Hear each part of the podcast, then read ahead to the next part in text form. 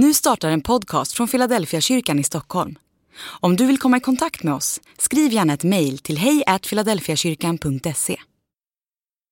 Dag 66 Johannes lägger en del möda på att berätta om hur bindlarna som han hade svept Jesus i låg i graven.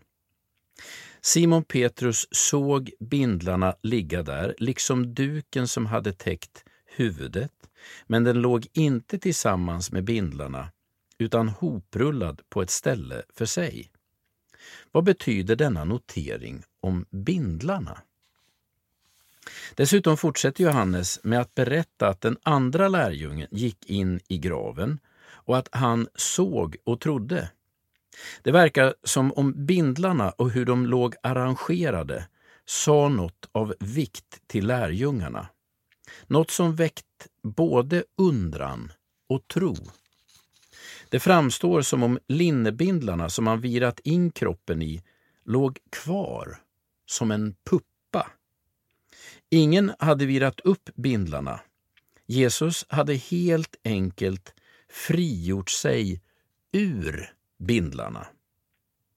Den här berättelsen väcker frågan om hur uppståndelsen gått till och vad som verkligen hände.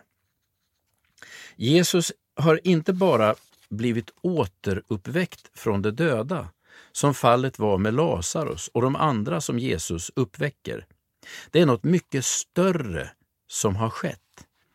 Jesus har blivit förvandlad eller transformerad, eller som Bibeln skulle beskriva det, förhärligad. Det står klart för både Petrus och Johannes att det är något övernaturligt som har hänt i graven.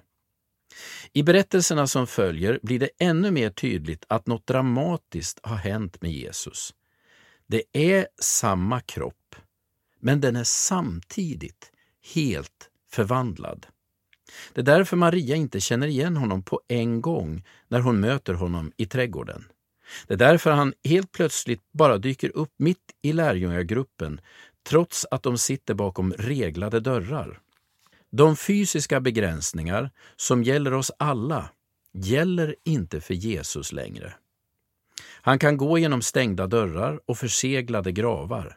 Han kan röra sig genom tid och rum på ett sätt som är otänkbart för oss.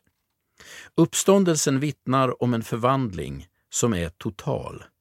Det är fortfarande Jesu kropp, men han är radikalt förändrad. När Johannes i sitt evangelium rör vid denna erfarenhet säger han att Jesus blev förhärligad, alltså fullständigt genomlyst av Guds väsen och glans. Andlig övning. Jesu uppståndelse vittnar om en ny verklighet. Bli stilla inför detta och tacka Gud för Jesu uppståndelse.